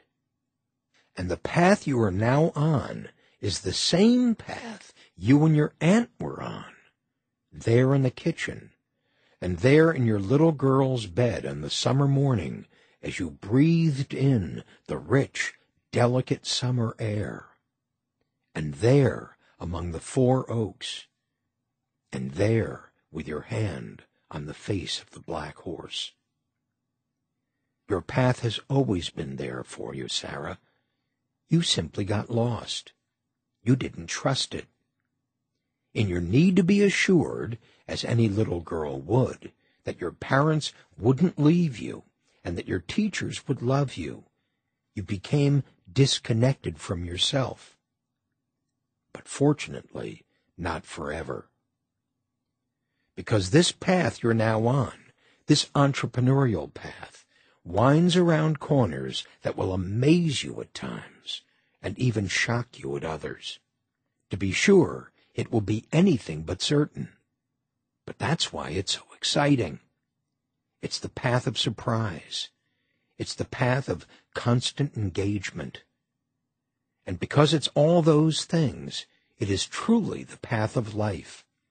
Or as Rollo May might have called it, the path of freedom. He said, Thus freedom is not just the matter of saying yes or no to a specific decision.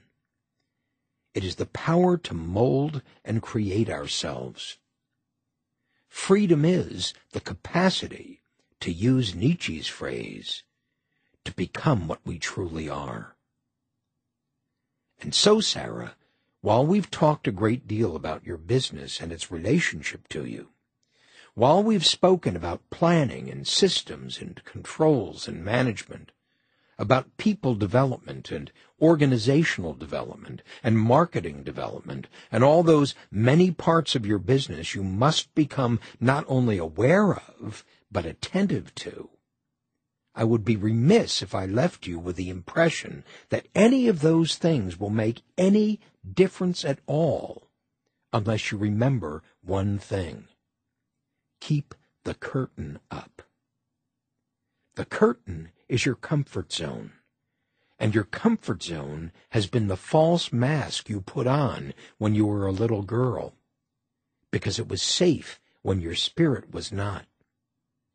Your comfort zone has been the curtain you've placed in front of your face and through which you view the world. Your comfort zone has been the tight little cozy planet on which you've lived, knowing all the places to hide because it's so small. Your comfort zone has seized you before, Sarah, and it can seize you again when you're least prepared for it because it knows what it means to you. Because it knows how much you want to be comfortable. Because it knows what price you're willing to pay for the comfort of being in control. The ultimate price, your life. So, Sarah, if this new path, if living with your spirit means anything to you at all, if you truly, truly care about it, then guard it with your life. Because comfort overtakes us all when we're least prepared for it.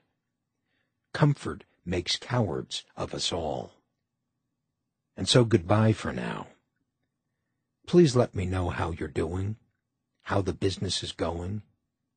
And remember, my heart will be with you wherever you are.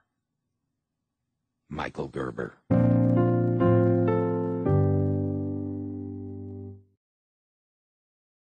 Epilogue Bringing the Dream Back to American Small Business.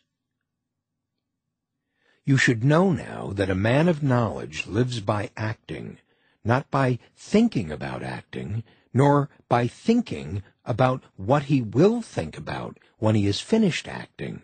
A man of knowledge chooses a path with heart and follows it. Carlos Castaneda, A Separate Reality. This book is not simply a prescription for success. It's a call to arms. But this call to arms is not a call to do battle. It's a call to learning. How to feel, think, and act differently and more productively, more humanly than our existing skills and understanding allow. Today's world is a difficult place. Humankind has experienced more change in the past 20 years than it has in the 2000 that preceded them. Boundaries that once served us, geographically, politically, socially, emotionally, no longer exist. The rules are constantly changing. But people cannot live without boundaries, without structure, without rules. So new ones have sprung up and proliferated in order to fill the void left by those that no longer seem to serve our new age condition. Unfortunately, in a world of accelerated change, there is little time for rules to take hold. As soon as the new rules are upon us, they too are swallowed up in the insatiable vortex of change, followed all too quickly by more rules and then still more. The result of all this change is chaos and disorder, each change bringing with it an even more turbulent world than the one before it, with fewer and fewer traditions to hold on to. A world in trouble, where confusion reigns. But the trouble didn't start out there in the world. If it did, we'd really be in trouble. Because who among us knows enough to control or even have an impact on what's happening out there? If it is so difficult for us to do anything about our businesses, how in the world are we going to do anything about the world? We can't. It's that simple and any call to arms that suggests we can is a stopgap measure, a call to disillusionment and ultimately to disaster. Because our stopgap measures are not solutions. Our feeble attempts to fix the world can't change the overall condition. If they work at all, they can only change the circumstances in which we find ourselves at any given moment. No, we can't change the world out there. And fortunately, we don't have to. We can begin much closer to home. We can begin in here. In fact, if we're to succeed, we must. Because the chaos isn't out there in everyone else. It's not out there in the world. The chaos is in here, in you, and in me. The world's not the problem. You and I are. The world's not in chaos. We are. The world's apparent chaos is only a reflection of our own inner turmoil. If the world reflects a lack of good sense, it's because each one of us reflects the same. If the world acts as if it doesn't know what it's doing, it's because each one of us acts the same. If the world is violent and greedy and heartless and inhuman and often just plain stupid, it's because you and I are that way.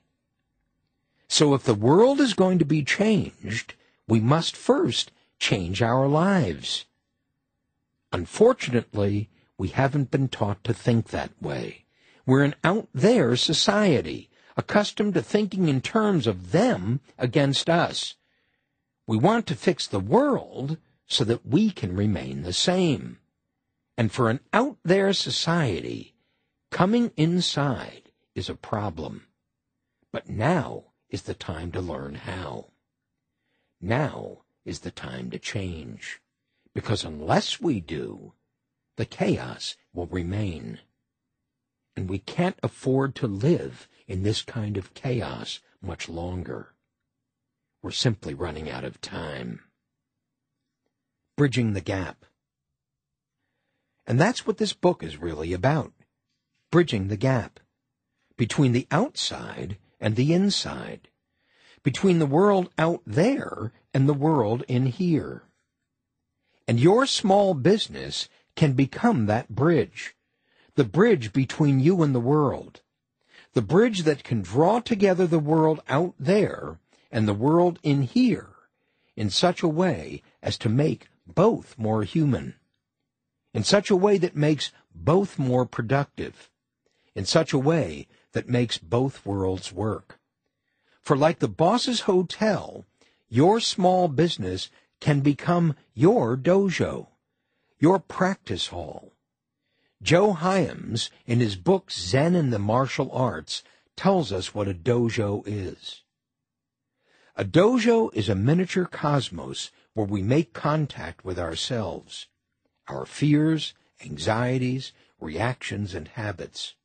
It is an arena of confined conflict where we confront an opponent who is not an opponent, but rather a partner engaged in helping us understand ourselves more fully.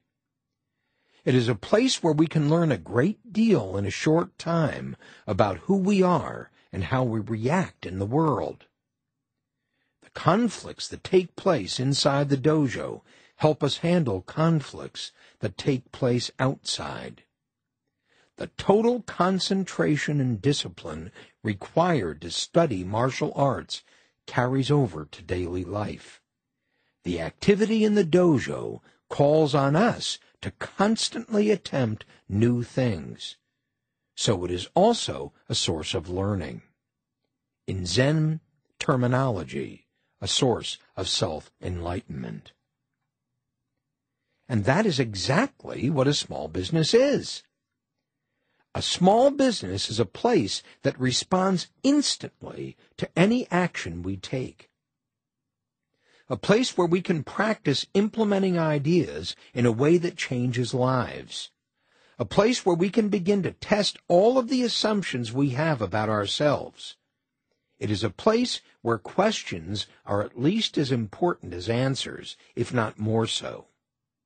It is a place where generalizations must give way to specifics. It is a place that demands our attention. A place where rules must be followed and order preserved. A place that is practical, not idealistic. But a place where idealism must be present for the practical to serve. It is a place where the world is reduced to manageable size, small enough to be responsive, but big enough to test everything we have. A true practice hall. A world of our own. A world of our own. And that, after all, is the dream of American small business. The dream that has served as the catalyst for so many entrepreneurial and not so entrepreneurial efforts to create a world of our own. What is this entrepreneurial revolution people are talking about today, where millions of us are going into business for ourselves? It's nothing more than a flight from the world of chaos out there into a world of our own. It's a yearning for structure, for form, for control, and for something else as well something more personal, something less distinct, yet much more intimately connected with who we are as human beings. It's a yearning for relationship with ourselves and the world in a way impossible to experience in a job. Unfortunately, as we've already seen, the dream is rarely realized. Most small businesses fail. And the reason is obvious. We bring our chaos with us. We don't change. We try to change out there. We try to change the world by starting a small business. But we stay the same. And so the small business that was started to give us a new world becomes instead the worst job in the world. The lesson to learn from all of this is simple. We can't change our lives by starting out there. All we can produce in the process is more chaos. We can only change our lives and create a world of our own if we first understand how such a world is constructed, how it works, and the rules of the game. And that means we have to study the world and how we are in it. And in order to do that, we need a world small enough in scope and complexity to study. A small business is just such a world. And a business development program can be a means to study it most effectively. And the franchise prototype can provide our study with the discipline it needs to succeed. Innovation, quantification, and orchestration become the practice that brings us and our opponent, whoever that may be, to the discovery of our limits, our weaknesses, our strengths, to the discovery what really works in the world, rather than what our imaginations might wish would work for in a martial arts contest, there's no room for imagination. We could get killed out there. Innovation, quantification, and orchestration provide the belief system of our business, the philosophical bedrock of our interaction with the world. They become our source for learning, for creating, for expanding beyond our self-imposed limits. And through innovation, quantification, and orchestration, our business can become something more than merely a place to go to work.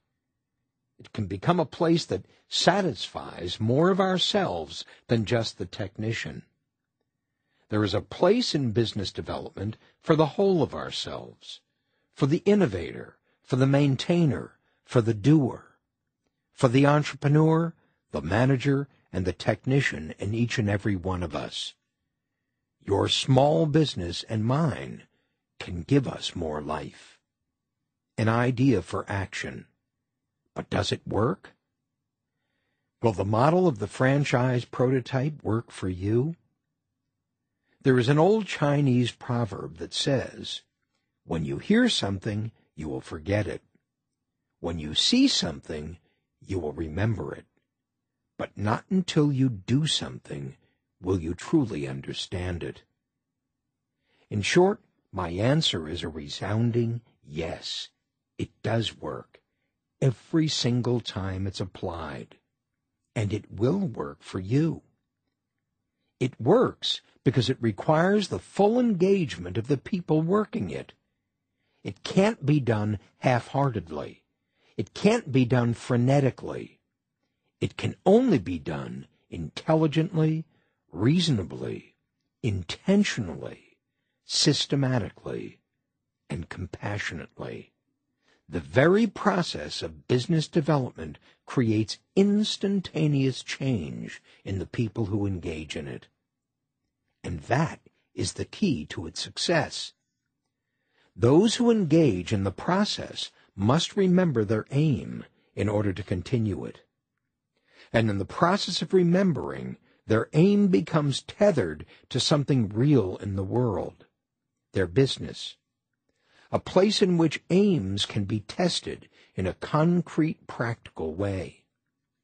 The business becomes a symbol for the life they wish to live, a visible manifestation of who they are and what they believe, a living, active, evolving testament to the will of man. But I ask you not to think about it any more. It's time to act. Because until you do, you won't understand it. And when you do, there will be nothing left to think about. You'll be well on your way. Until then, it's just another good idea, just another creative thought. It's time to turn it into an innovation. It's time to bring the dream back to American small business. It's been gone far too long. Afterward, taking the first step.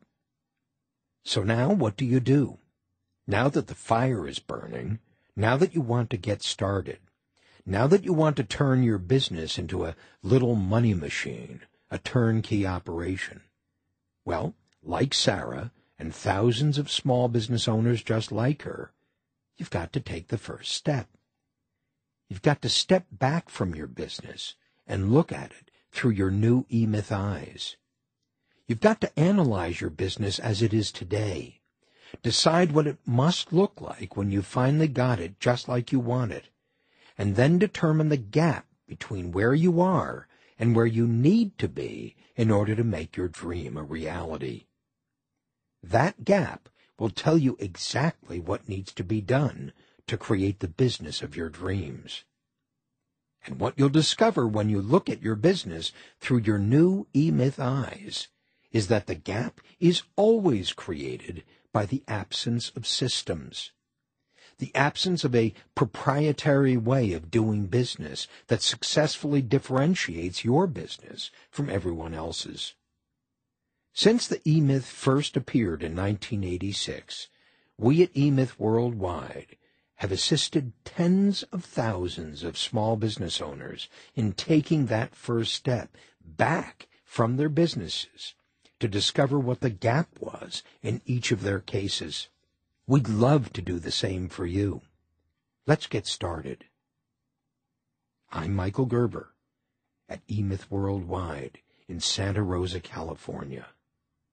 Now that you've come to the end of this story, do you find yourself relating to Sarah? Are you an overwhelmed, overworked, and unfulfilled technician who happens to own your own business? Do you no longer see your business as that vehicle for your creativity or that opportunity for freedom you once did? Are you torn between the demands of your customers, your employees, your partners, your competitors, and taking care of your own needs as a human being trying to lead a balanced life? If you answered yes to any of these questions, then E-Myth Worldwide wants to help you take the next steps to breaking out of that deadly trap. In the E-Myth Revisited, Sarah shifted from the overwhelmed technician to the motivated entrepreneur through her conversations with Michael Gerber. Conversations like this happen every day at E-Myth Worldwide between E-Myth coaches and their clients. Using the E-Myth Mastery curriculum as our guide, we help our clients achieve measurable and positive changes in their businesses and their lives. Are you prepared to let your business run without you? Can you envision what that might look like? Are you ready today to begin working on it instead of in it? Are you beginning to see the possibilities? Take the next step, now, before the technician takes over again. To learn more, visit the website we've created especially for owners of this audiobook. Go to emythrevisited.com or call us toll free from North America at 1 800 221 0266 or internationally at U.S. area code 707 569 5757. But do it now. Visit our website or talk to one of our program advisors at E-Myth Worldwide. Let's get started today.